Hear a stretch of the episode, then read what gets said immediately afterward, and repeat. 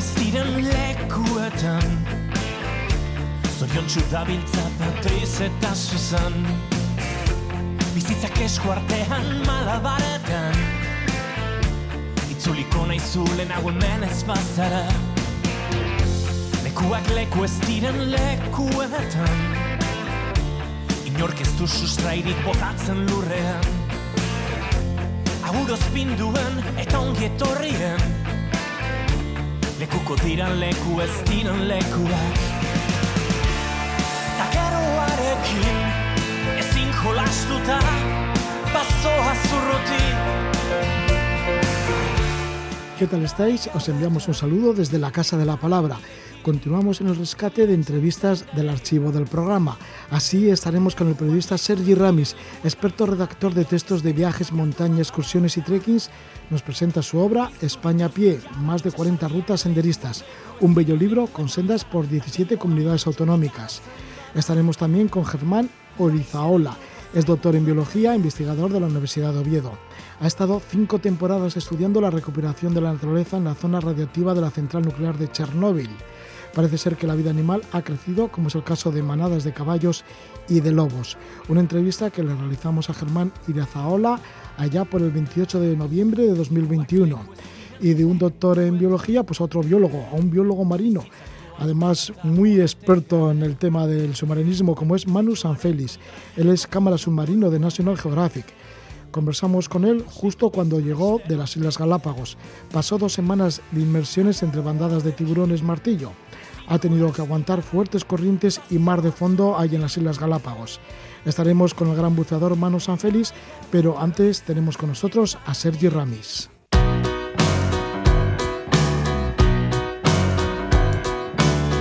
Pasó un tiempo sin verte, creía conocerte, pero ya veo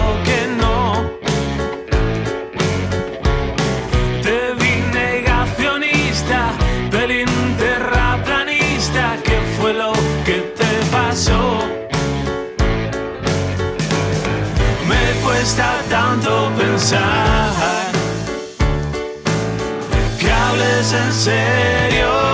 Te vi tan agresivo con más de un colectivo. ¿Qué fue lo que te ocurrió?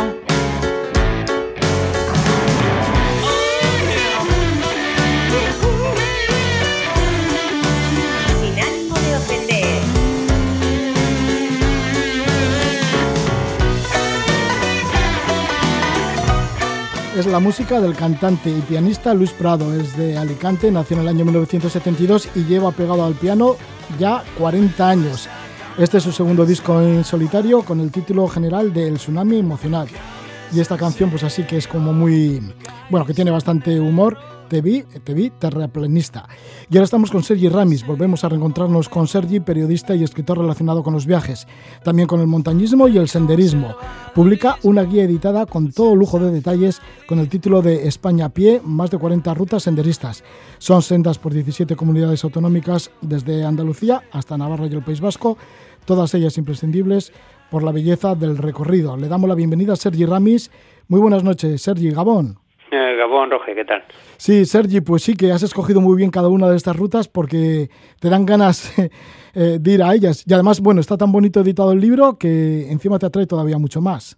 Bueno, esa es la idea, que a la gente le den ganas de, de viajar, de viajar a pie, de conocer la península ibérica, en esos tiempos en los que seguramente las circunstancias históricas nos han obligado a realizar viajes más cercanos, parece un momento propicio para intentar eh, conocer las tierras que tenemos más a mano, que nos obligan a cubrir menos kilometraje. Todas estas rutas senderistas las has hecho de nuevo o parte de ellas, porque claro, tú sí que te has pateado mucho cantidad de lugares y paisajes.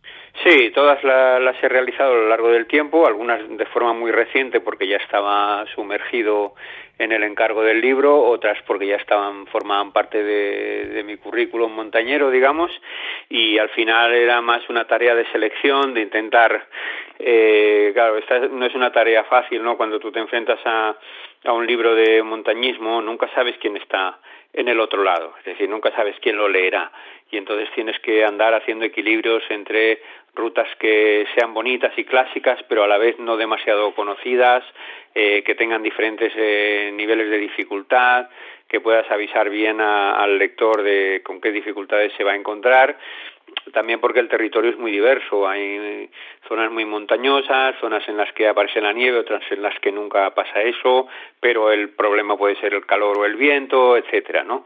Entonces tienes que andar siempre buscando un equilibrio, intentando imaginarte quién está eh, leyendo el libro. ¿Qué debe procurar el senderista prudente una vez que ya nos hacemos esas 40 rutas de senderismo?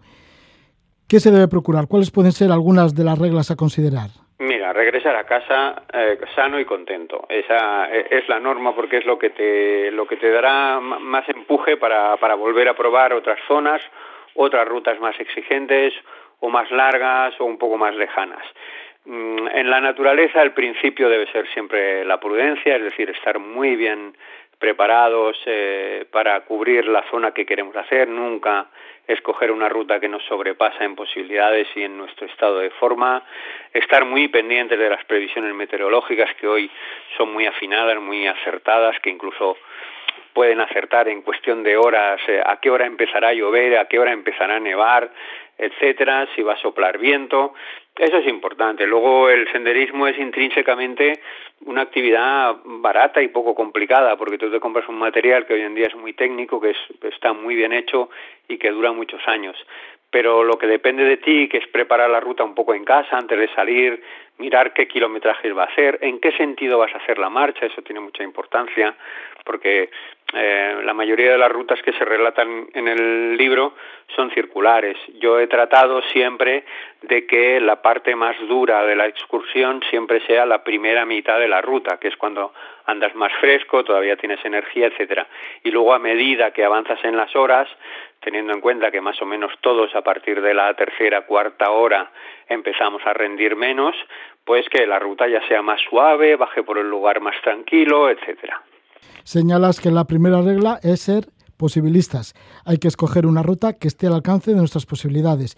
Y además escribes que siempre es buena señal que se llegue al final del itinerario pensando que nos quedaban fuerzas para un rato más. Yo creo que eso es fundamental. Cuando tú te enfrentas a una actividad deportiva, porque el senderismo, además de, la componente naturalística, cultural, etcétera, es un deporte, eh, tienes que tener una experiencia positiva. Si cuando vuelves a casa el recuerdo que te queda es, madre mía, ¿en qué lío me metí? Llegué derrengado, llegué empapado, esto no lo hago nunca más. Cuando dices esa frase, esto no lo hago nunca más, ahí se, fastidió el invento. Si tú llegas con ganas de decir, bah, aún no hubiera caminado una hora más, o la próxima vez llegaré hasta tal ermita que hoy no he llegado, o hasta tal lago o hasta tal cumbre, eso te incita a ti mismo a mejorarte, a, empezar a, ponerte más en forma, a, trazar cada vez eh, rutas más ambiciosas y al final es lo que te va a hacer profundizar en la actividad y, y disfrutarla, que es de lo que se trata. En cuanto al equipo del senderista, ¿cuál es la pieza más importante? Bueno, sin duda las botas, eh, que porque el, senderista su único medio de transporte son sus pies. Entonces, como explico en el libro, nada más comenzar, caminar, sabemos todos. Solo hay que poner un pie delante del otro y ya está.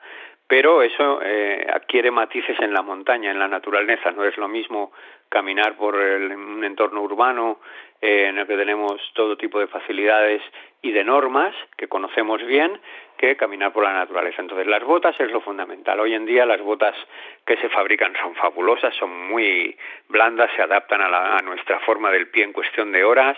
Incluso se pueden llegar a estrenar botas el mismo día que uno sale porque realmente es, un buen material.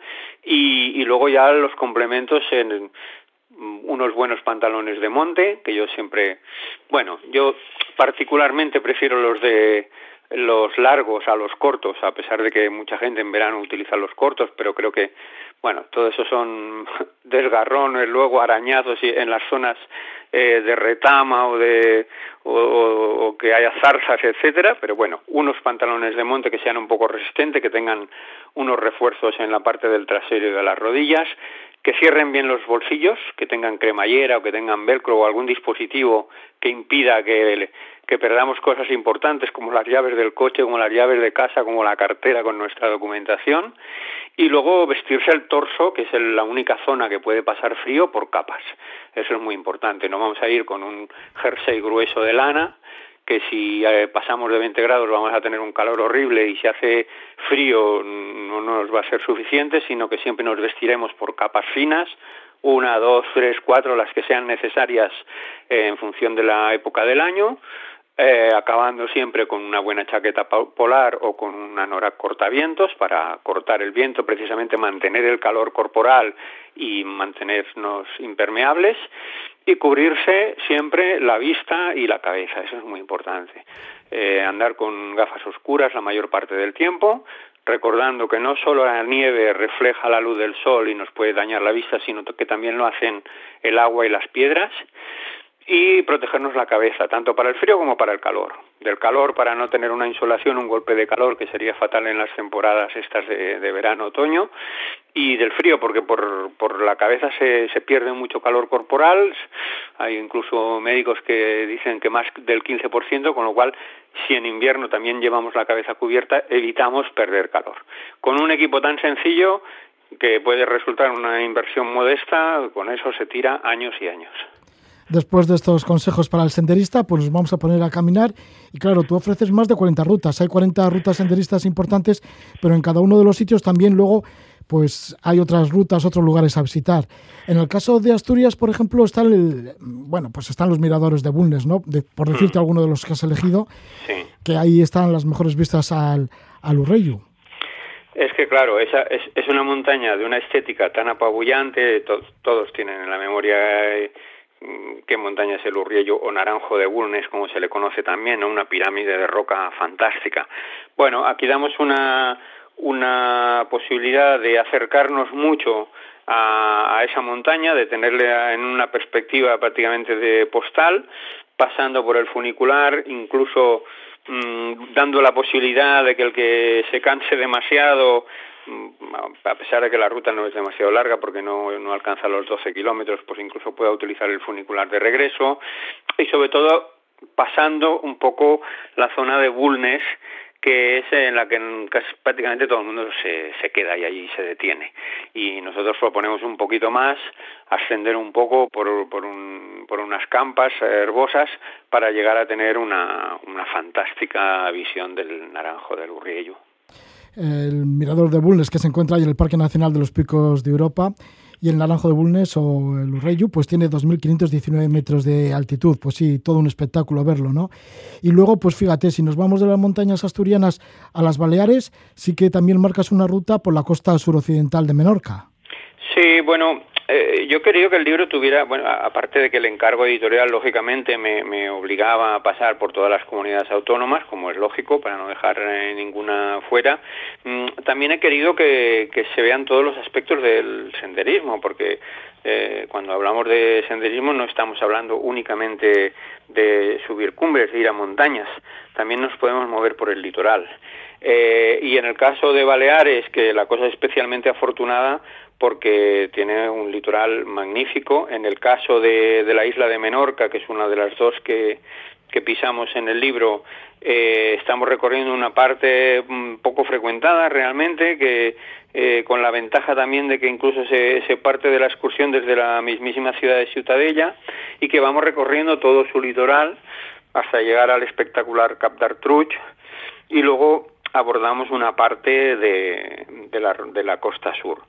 Es una rutita un poco larga para lo que hemos planteado en el libro, que siempre estamos hablando de entre 9 y 13 o 14 kilómetros, esta nos vamos a los 29 largos, es decir, es una etapa realmente muy larga, pero el camino es muy sencillo, solo hay que caminar por el litoral, hay grandes atractivos en forma de calas en las que interrumpir la caminata y bañarse.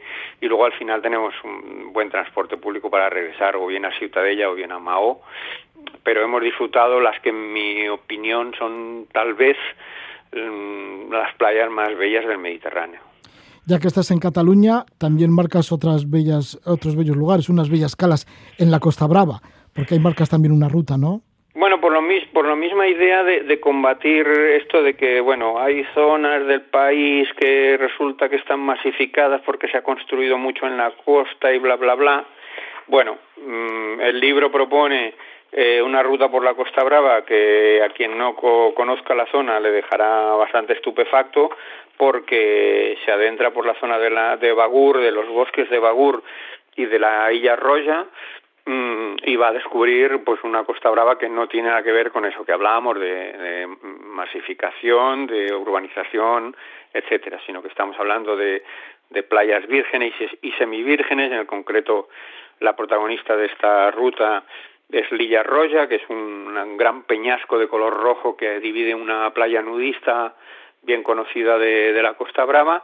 En la primera parte, que comienza por, por, unos bosques muy densos, baja hasta los arenales, existe la posibilidad también de darse algún baño en, la propia zona de la Isla Roya o en la zona de, de esa Punta Negra y después volver a subir a los bosques de, Bagur y acabar en, el mismo, la misma localidad de Bagur, que es un pueblecito con, con un buen castillo.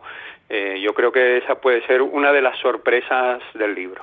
Sí, entre mucha costa y muchas montañas, ahí, aquí está este libro, España a pie, más de 40 rutas senderistas. Estamos con su autor, con Sergi Ramis, y son rutas, la mayoría yo creo que bastante asequibles. ¿Cuáles pueden ser la más dificultosa, igual la más bonita o más asequible? Bueno, más, más bonita, todas son bonitas, ¿no? Pero bueno, entre esa diferencia entre la más difícil y la más fácil, ¿cuáles podías nombrar? Sí, yo diría que, que igual lo de, lo de la más bonita es un estado de ánimo. Hay días que tienes ganas de ciertas cosas, ¿no? Dices, pues hoy, mira, con ir hasta una ermita me conformo, ¿no? O con acercarme hasta un dolmen ya tengo bastante. Otros días te sientes más guerrero y dices, ah, hoy quiero caminar horas o quiero ascender una cumbre y tal. Hombre, por lo que decía antes de intentar que el, que el libro sea útil para la mayor parte de los lectores, hemos intentado que que las rutas no tengan una gran dificultad. Es decir, eh, hemos hecho una calificación de fácil, moderada y difícil, y si no recuerdo mal, como difíciles solo hemos colocado tres de 40 y las otras son moderadas o fáciles. Pero bueno, hay una que sí, efectivamente, no por el kilometraje, sino por la altitud, mm, que hemos puesto en la isla de Tenerife, en las Canarias, que es la ascensión al Pico Viejo. Es un pico de 3.135 metros Mm, es un volcán, lógicamente, como siempre en las Canarias, y tenemos, bueno, dos grandes ventajas.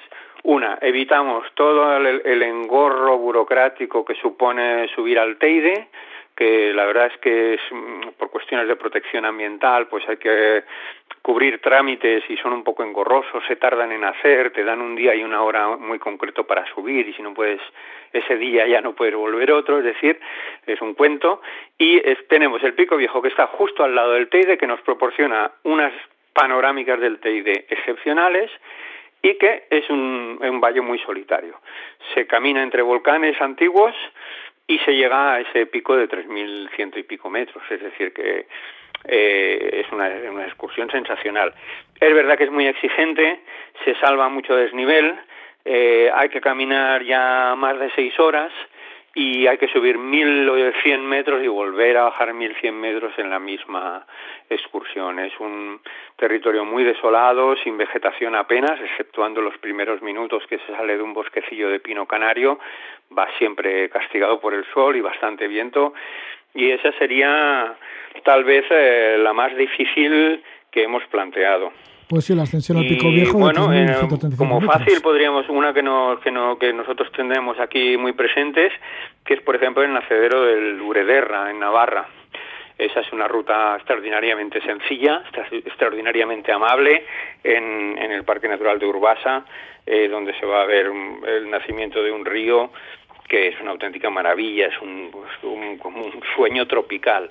Y, eso es una ruta extraordinariamente sencilla, se caminan 8 kilómetros, se hace muy poco rato y está muy bien balizada, está el, el, sendero está habilitado con barandillas, con pasarelas de madera para no resbalar, porque la zona es eh, muy, muy húmeda, muy umbría y bastante, siempre está pues, encharcada, etcétera. Esa la podríamos plantear como una de las más sencillas y a la vez más bonitas del libro también. Pues ahí están esas rutas que se marcan, unas 40 rutas, más de 40 rutas senderistas que se marcan en este libro, escrito por Sergi Ramis, periodista escritor y además muy buen caminante, Sergi Ramis, con este libro España a pie, más de 40 rutas senderistas, que lo edita Geoplaneta.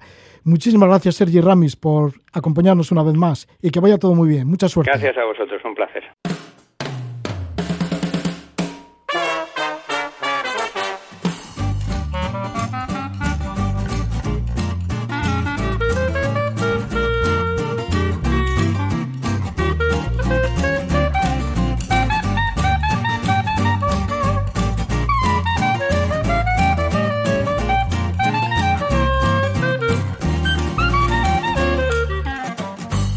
Wypuszczam na wiatr konia i nie szczędzę razów. Lasy, doliny, głazy, w kolei, w natłoku. U nóg mych płyną, giną jak fale potoku. Chcę odurzyć się, upić tym wirem obrazu. Жену перед коня, щоб линув ніби птах. Сп'яніння прагну я знайти у тих дивах. Жену перед коня, щоб линув ніби птах. Жену перед коня, щоб линув ніби птах. Сп'яніння прагну я знайти у тих дивах. Жену перед коня, щоб линув ніби птах.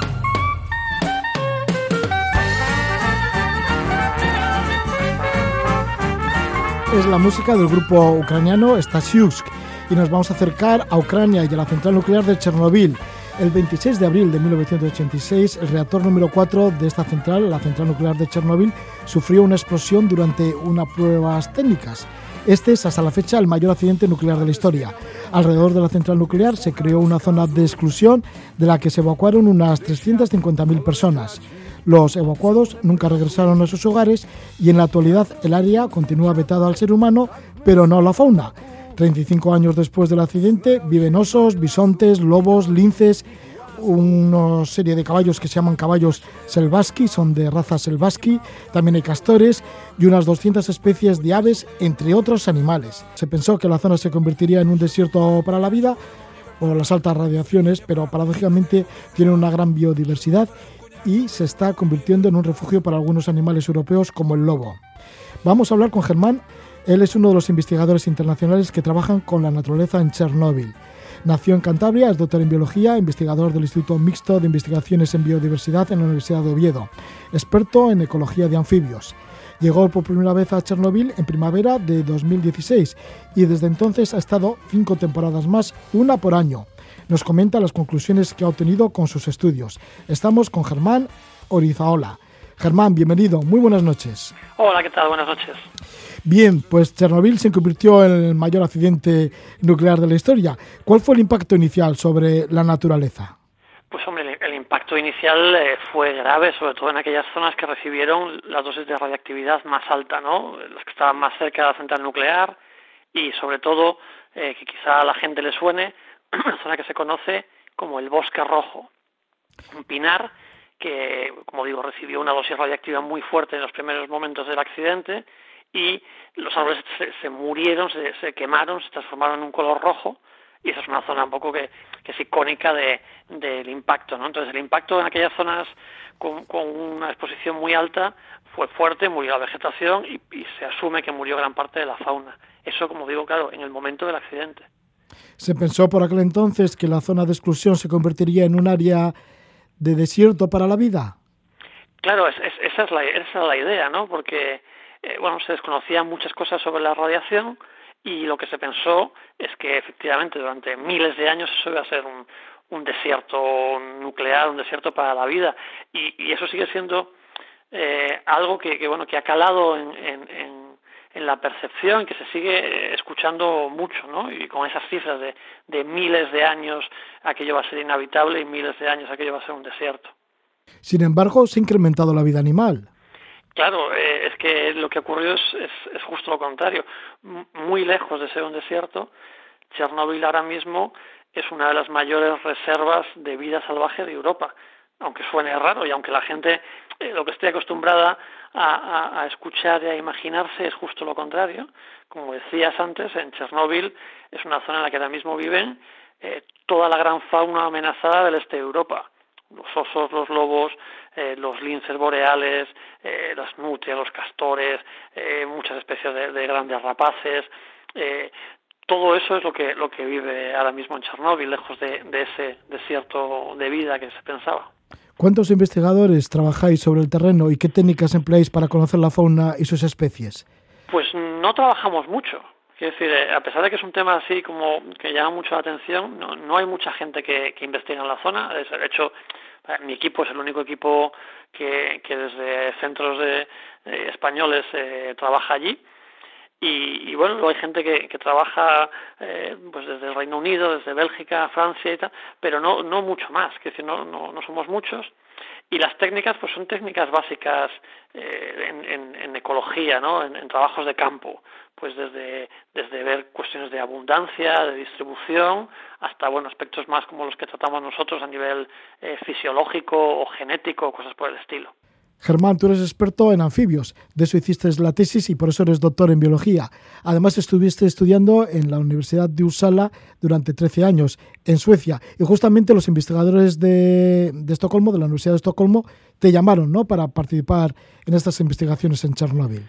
Sí, así es como, como, como entro yo en, este campo, ¿no? Yo venía del campo de la, bueno, pues de la ecología de anfibios, eh, sin más, y, y, empiezo a investigar en estos aspectos de, de radiación y, fauna salvaje a través de un proyecto europeo que venía de, de la Universidad de Estocolmo, una, universidad vecina, y que bueno necesitaban a alguien para trabajar con anfibios. Entonces bueno me contactaron y, y, allí ya hace unos cuantos años como empecé y de ahí ha seguido una línea de investigación pues nu nueva eh, totalmente para mí, digamos. ¿Cómo ha sido este estudio de los anfibios en Chernobyl? ¿Cómo es tu trabajo? ¿Cómo elaboras allí en, bueno, eh, sobre el terreno? Bueno, pues el trabajo la verdad es, es, es fascinante porque la zona es, es espectacular. Eh, independientemente de, del accidente, de la radiación, es una zona una superficie enorme de bosque con, con grandes zonas húmedas, eh, una zona que los anfibios son muy, muy abundantes.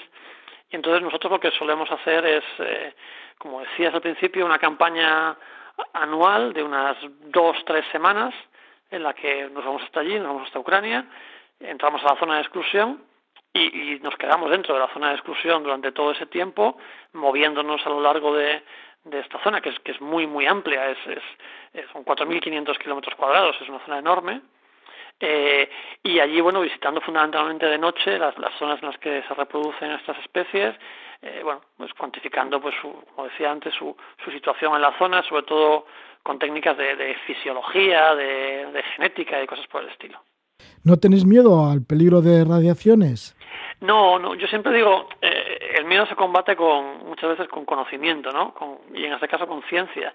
Y, y en, ese, en el caso de Chernóbil, con una cosa muy sencilla, que es llevar un, un dosímetro, que es un aparato que te mide eh, el nivel de exposición a radiación en, en, cada momento y el que puedes ir acumulando eh, a lo largo de toda una estancia larga, ¿no?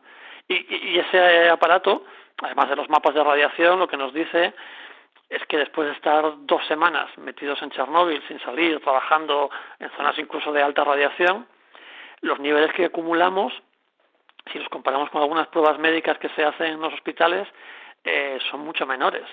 Es decir, nosotros acumulamos la tercera parte de lo que se puede recibir en una mamografía en un hospital. Eh, acumulamos la, la, la décima parte de lo que constituye un escáner cerebral. Es decir, la exposición es, es, es mucho más baja de lo que la gente eh, se puede imaginar. ¿Estáis equipados con algún traje especial o así? No, no, no, no por muchos motivos, porque, porque es que la radiación, en principio, no hay nada que lo pare, salvo, salvo un traje de, de hormigón o una cosa por el estilo, ¿sabes? O sea, que no, llevamos unos trajes a, a, veces en las zonas más contaminadas, que son estos trajes que ahora todo el mundo conoce, estos trajes EPI eh, blancos, pero que no son trajes de protección en sí, es decir, la radiación los atraviesa perfectamente. Lo que sirven es para de una malla muy fina, eh, si alguna partícula radiactiva está en el aire, eh, en lugar de llevártela pegada a la ropa, pues se pega a esos trajes, esos trajes los quitas, los dejas en la zona antes de irte y no te la llevas a casa. ¿no? En algunas zonas, sobre todo si hay mucho viento, pues llevamos eh, las mascarillas que llevamos todos por la calle, ese tipo de mascarillas para lo mismo, para no tragarte alguna partícula que pueda estar en suspensión, cosa que es muy muy raro que ocurra, pero bueno, en el caso de que haya un día de, de, mucho viento que se esté removiendo polvo del suelo o lo que sea, pues pod podría ocurrir, entonces llevamos esas mascarillas. ¿Qué sucede con los anfibios? ¿Se han adaptado a esa situación de Chernóbil?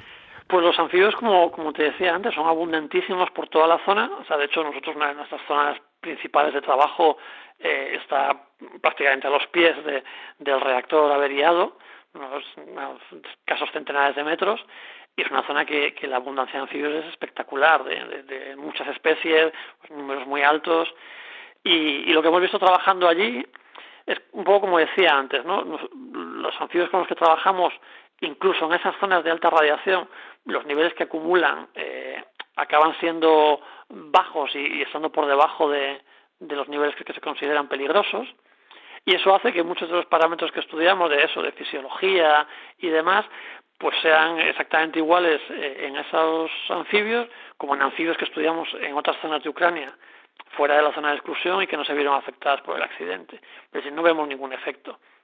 Una cosa muy muy interesante que sí hemos visto allí eh, es un cambio en el color de los anfibios. Eh, la especie con la que nosotros trabajamos es muy parecida a la ranita de San Antonio que, que puede haber por aquí, por, por el norte de la península. Eh, eh, que tiene un color verde muy brillante, o sea, verde como la hierba fresca. Eh, y en cambio en Chernóbil no son así. En Chernóbil son mucho más oscuras, verde oscuro, y tenemos ranas incluso absolutamente negras. Es una cosa muy espectacular que, que vamos, que la ves a simple vista, incluso el primer día que estás por allí. Pero que, que eso, que, que, bueno, cuando lo dices a veces puede pensar, ah, mira, un efecto de la radiación, es un efecto, pero, pero en sentido contrario, es un efecto de adaptación a la radiación. Es decir, ese color negro lo que hace que es que estas ranas estén protegidas frente a la radiación. Eh, porque la melanina, lo que constituye el color negro, como sabemos que ocurre con la radiación del sol, con la radiación ultravioleta, frente a esa otra radiación ionizante de, que hay en Chernóbil, también tiene esa, esa eh, posibilidad de proteger a los individuos. Tiene una respuesta que en 30 años ha desarrollado probablemente a raíz de los altos niveles de radiación iniciales y que, y que ahora se ve y es, es espectacular, es, es, algo realmente espectacular. ¿Qué sucede en el caso de los lobos, de los osos o de los caballos? Porque hay una raza de caballos que son las bueno, sí, algo así, caballos, ¿no? Que se sí. pronuncia así. Y esos caballos creo que vinieron además de, de las praderas de Asia Central. Caballos son una especie que, que bueno, es, es, es el único caballo eh, salvaje o prácticamente salvaje que, que, que quedó en, el mundo, que se extinguió con los últimos ejemplares en, en, esas zonas de, de, Mongolia, China, de esteparias, y que a partir de individuos que quedaban por los zoológicos, muy poquitos, 12 solo, eh, consiguieron un programa de cría en cautividad y que la especie se recuperara, y ahora mismo la especie tiene unos 2.000 individuos en todo el mundo, de los cuales cerca de 200 viven en Chernóbil y, y, el, y el resto pues todavía en, en, se han reintroducido en Mongolia, en China y por ahí. Es decir, uno de los pocos sitios del mundo donde esta especie ahora mismo sobrevive y de hecho está en expansión es en Chernóbil. En Chernóbil se soltaron 30 y como digo ahora hay cerca de 200. ¿Los lobos? ¿Es un refugio para los lobos? Pues ¿El lobo que está es... tan perseguido? Claro, los lobos, que, que, esa especie tan, tan machacada en toda Europa, aquí en la península lo sabemos bien, eh, en Chernóbil tienen la mayor densidad de toda Europa que es algo que suena, suena también como, espectacular, ¿no? Pues donde más lobos, mayor densidad hay de toda Europa, esa es la zona de exclusión de Chernóbil, tanto en la parte ucraniana como en la, como en la bielorrusa. Y llega a haber hasta siete veces más lobos dentro de Chernóbil que en reservas naturales fuera de Chernóbil. ¿Sueles ver estos animales? ¿Los lobos, sí, los sí, caballos? Sí, se, ven, se ven perfectamente. Los, los lobos, hombres son un poco más esquivos, como sabemos. Los caballos no. Los caballos se ven con regularidad. y vamos, Yo lobos sí que he visto en Chernóbil, pero bueno, son un poco más complicados de ver. Pero otras especies como, como los alces, como los castores, los corzos, todo esto se ve con, con mucha facilidad. Así que todas las noches que salimos a, a trabajar con los anfibios nos cruzamos algún bicho de estos. Así que hay una gran biodiversidad, es como casi una reserva natural. Bueno, es, es que de hecho incluso lo han declarado reserva natural, tanto la parte bielorrusa como el gobierno ucraniano por la otra parte, eh, lo han declarado reserva natural. Bueno, todos sabemos que, que, bueno, que incluso aquí esas declaraciones que muchas veces quedan en, en el papel, pero, pero bueno, sí que hay voluntad de, de, de, preservar esa, esa biodiversidad, porque, como digo, es, eh, es refugio de muchas especies, por ejemplo, que a nivel ucraniano eh, son especies amenazadas. eh, bueno, como he dicho, el lobo, el, oso, el lince boreal, todo eso, y muchas especies de aves, urogallos, por ejemplo, y cosas por el estilo, que están francamente amenazadas en aquella zona y que viven en Chernóbil. Una conclusión o una paradoja de todo esto es que es más perjudicial el hombre para la fauna que la radiación de Chernóbil. Claro, es que es lo que está ahí detrás, ¿no? Quiero decir, el factor al final más clave de todo este eh, ambiente es que en Chernóbil vivían 350.000 personas, como dijiste al principio, y ahora viven unas 2.000, 3.000, eh, y muy concentradas en, fundamentalmente en la antigua ciudad de Chernóbil. Con lo cual, toda esa zona tan enorme, 4.500 kilómetros cuadrados, que ahora mismo de memoria no lo sé, pero, pero igual es muy parecida a, la mayoría de Euskadi, eh, eh no hay gente. Con lo cual, eso son las condiciones eh, pues perfectas para esta gran fauna, ¿no? Para, para, los lobos y para los linces, no les persiguen, eh, no tienen molestias, no tienen eh, ruido, luces, eh, con lo cual se encuentran en unas condiciones, pues, pues como decía, únicas en toda Europa. ¿Debería ser entonces necesario mantener la integridad de la zona de exclusión como reserva? Yo creo que ahora mismo, ahora mismo es un poco el, el, el, gran asunto alrededor de Chernóbil, ¿no? Uno de los grandes asuntos, ¿no? Eh, ¿Qué hacer con la zona de exclusión? Pues como decía, ahora que la radiación pues no es tan alta y que y que empieza, bueno, pues, es habitable gran parte de la zona, ¿qué hacer? Si, si volver a habitarlo, si, si empezar con nuevos proyectos industriales como se habla, eh, yo creo que, bueno, teniendo en cuenta que no hay una gran necesidad, porque gran parte del norte de, Ucrania tiene una densidad de población muy baja, no hay, necesidad de ese espacio, y que a día de hoy tampoco hay una eh, actividad económica eh, grande en la zona, yo creo que la clave es conservarlo como una zona bueno pues de, memoria de lo que de lo que fue del accidente que es importante siempre tenerlo eh, y, por supuesto una zona de, investigación y de conservación de fauna como digo como no la hay en Europa no no hay una superficie dedicada a reserva natural tan grande en la Europa continental. Se ha convertido en un laboratorio entonces de vida animal. Claro, para nosotros es un laboratorio espectacular de, de muchos aspectos, de, de, estos procesos que llamamos ahora renaturalización, ¿no? De qué pasa si una zona, eh, en lugar de estar por ahí metidos todo el rato eh, o, haciendo turismo, eh, nos vamos y, dejamos que, que, evolucione sola, ¿no? Procesos de, de renaturalización. Bueno, pues Chernobyl es un ejemplo, es uno de los mejores ejemplos que existen en el mundo. Claro, por supuesto, un laboratorio que todavía da para mucho de investigar los efectos de, la radiación sobre el medio ambiente y, en general una zona de, estudio y conservación de la fauna, claro. Los habitantes, los antiguos habitantes de Chernóbil no pueden volver, no pueden regresar a su territorio. Eh, hoy, hoy por hoy, digamos, eh, no, no está permitido el reasentamiento. Eh, y, bueno, muchos de ellos, claro, pasado ya 35 años, que es lo mismo, ¿no? han rehecho eh, su vida en otras zonas de, Ucrania o de la antigua Unión Soviética y, tampoco es que haya una, una gran demanda por parte de la, de la gente que vivía allí o sus descendientes de volver a ocupar esa zona. Que tampoco existe una, gran demanda social eh, para rehabilitar Chernóbil, ¿no? Que eso, bueno, también puede colaborar a que, a que la zona se preserve, pues como, como decía antes, como memoria, como, como investigación y como zona de conservación. De Chernóbil nos está hablando Germán Orizaola. Él es uno de los investigadores internacionales que trabajan con la naturaleza en este lugar. Nació en Cantabria, es doctor en biología, investigador del Instituto Mixto de Investigaciones en Biodiversidad en la Universidad de Oviedo. Llegó por primera vez a Chernóbil en primavera de 2016 y desde entonces pues ya ha estado en cinco ocasiones, cinco temporadas, una por año y nos está comentando las investigaciones y también las conclusiones a, a las que llegan estas investigaciones. En el caso de Chernóbil, bueno, pues que hay una gran biodiversidad y que están aumentando, está aumentando la fauna y el número, por ejemplo, de lobos, de osos, de caballos, caballos selvaski. Pues muchas gracias por esta información, Germán Orizaola. Pues nada, gracias a vosotros, encantado.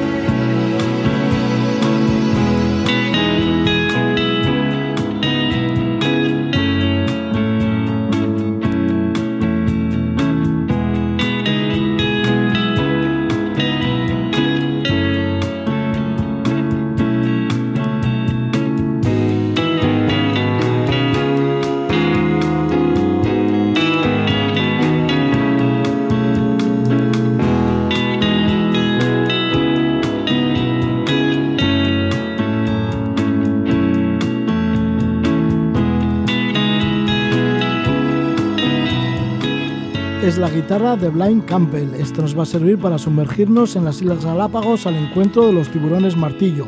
Y para ello tenemos a un gran buceador, un hombre excepcional dentro del mundo submarino como es Manu Sanfelis. Él es biólogo marino, encargado de fotografía e imagen submarina de National Geographic. Desde el año 2009 filma para la serie Pristine Seas, Mares Pristinos, y se ha sumergido pues, en mares vírgenes y todo ello pues, para que con la divulgación sirva para crear reservas marinas. Y últimamente ha estado en las Islas Galápagos. En esta ocasión ha ido para grabar para el canal de televisión de National Geographic. Se ha sumergido con la cámara en las islas de Darwin y Wolf al encuentro del tiburón martillo. Manu Sanfélix nos cuenta la experiencia.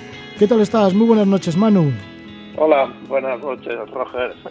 Manu, que en esta ocasión te encuentras en Ibiza. Bueno, hay que decir que diriges la Escuela de Buceo Belmarí en Formentera, Ibiza, y que también tienes una relación estrecha con Lequitio, ya que eres miembro fundador del Lequitico Urpeco Taldea. Y en los últimos años, pues sí, que participas en estas expediciones de National Geographic y en esta ocasión las Galápagos. ¿Por qué los tiburones martillo? ¿Por qué la importancia de los tiburones martillo en las Galápagos? Sí, bueno, primero, gracias por la introducción y de todo lo que has dicho. Lo que más me gusta es lo de miembro del Equeitio Corpejo Taldea. ¿eh? bueno, que fueron tus inicios. Lo, he hecho mucho menos, sí. Eh, tengo la suerte de, haber iniciado ahí el Equeitio. Pues bueno, Galápagos eh, juega un papel clave para los tiburones martillo, ¿no? Junto con otros dos archipiélagos en esa zona del Pacífico que es bueno Malpelo y luego la isla del Coco eh, pues forman un triángulo mágico entre los tres sitios se mueven nubes pues son nubes grupos de cientos de tiburones martillo una población que se estima de miles no sabemos cuántos y es un espectáculo eh, bueno, que muchas personas habrán podido ver en televisión o en imágenes, ¿no? De esos planos, esas fotos donde ves, eh, pues, decenas, ¿no? De, tiburones nadando juntos y es algo maravilloso y único.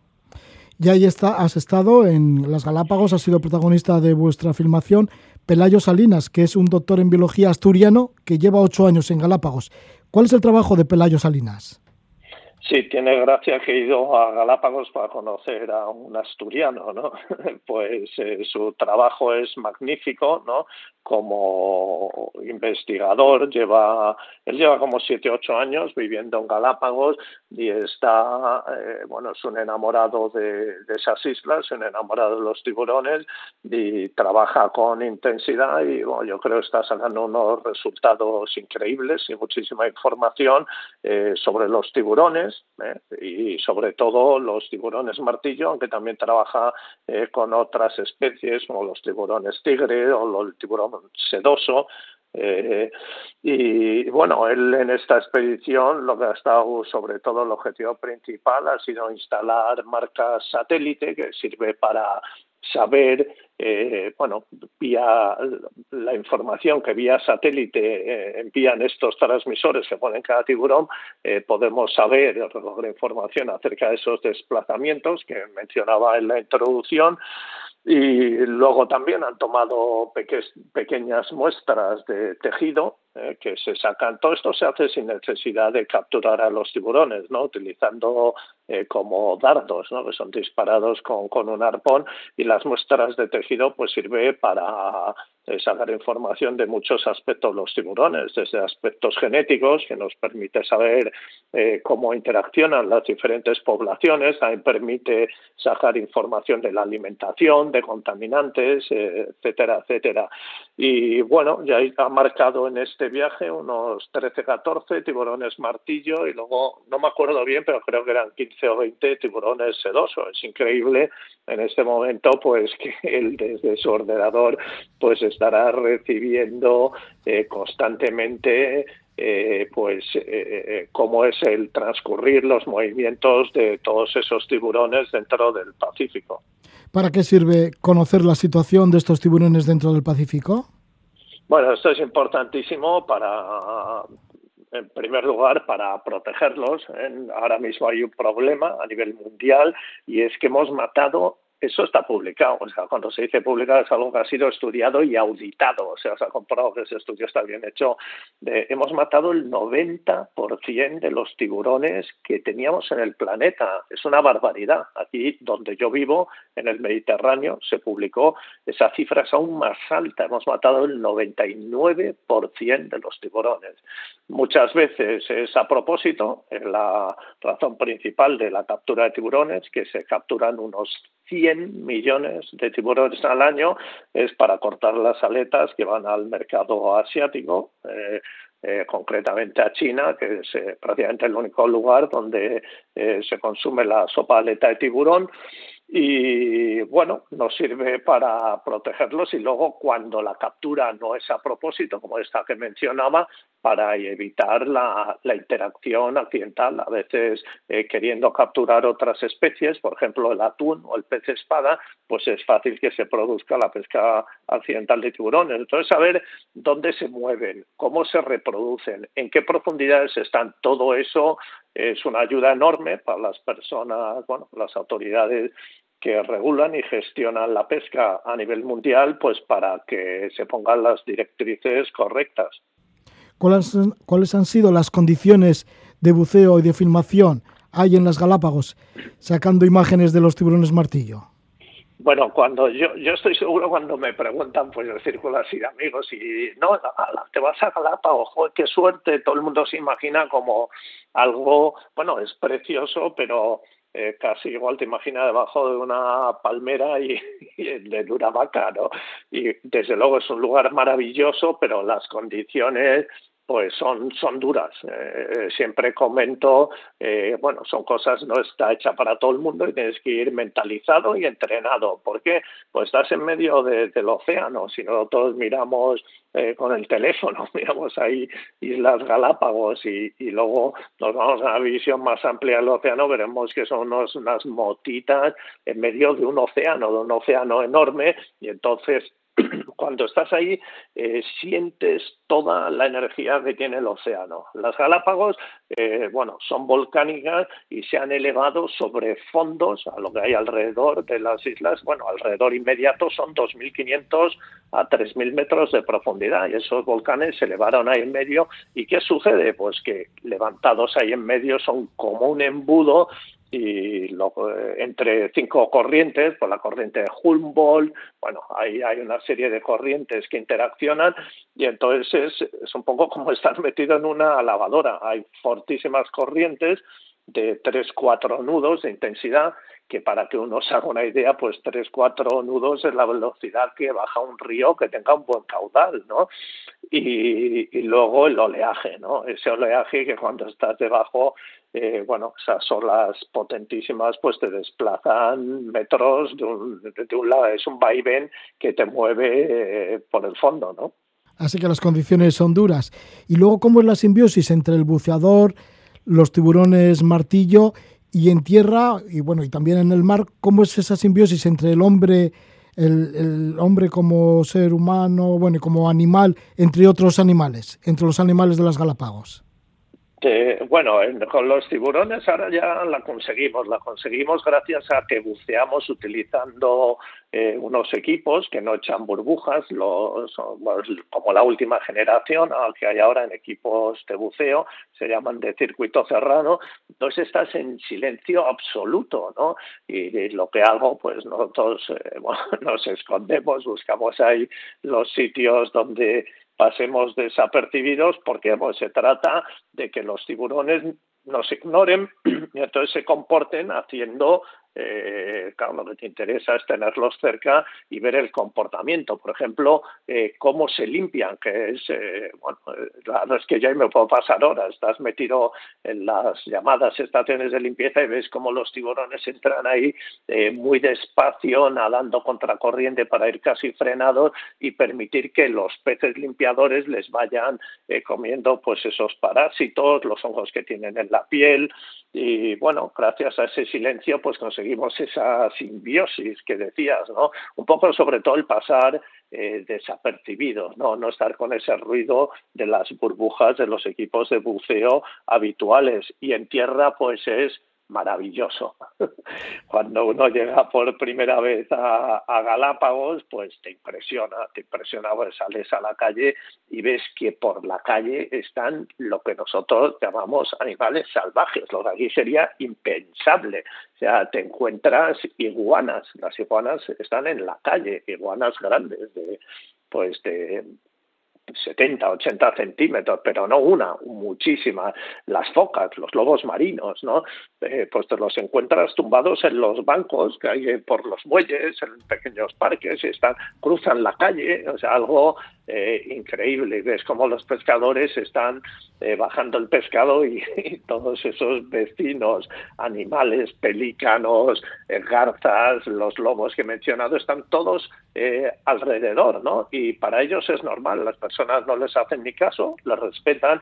Entonces es muy bonito ver ¿eh? como eso, ¿eh? que nosotros llamamos animales salvajes, no tienen miedo del hombre. Y bueno, y las aves están eh, con sus nidos, sus huevos, sus pollos, pues los piqueros, que es lo que nosotros llamamos alcatraces, las fragatas, los pingüinos, o sea, todos los animales eh, te ignoran, tú estás al lado y ellos no, no se asustan. Las águilas que hay allí, se posa un águila y tú te puedes poner a sacarle una foto a medio metro de distancia y, no notarás eh, que tiene miedo y eso es muy bonito y sobre todo es una lección eh, para todos de que animales, naturaleza y ser humano pueden convivir.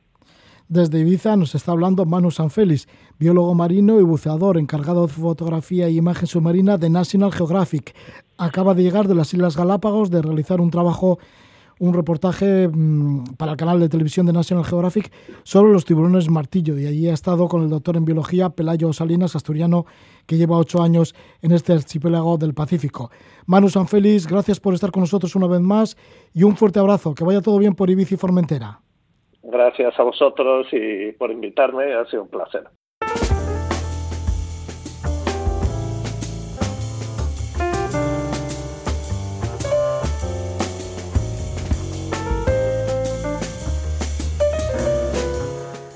San Félix sumergiéndose en las Islas Galápagos después de grabar para el canal de televisión de National Geographic. Buceó con la cámara en las islas de Darwin y Wolf al encuentro del tiburón martillo. Y nosotros ya nos vamos, lo hacemos con el grupo de Quecho Bonzos y el tema Punta Galea. Que disfrutéis, que vaya todo muy bien.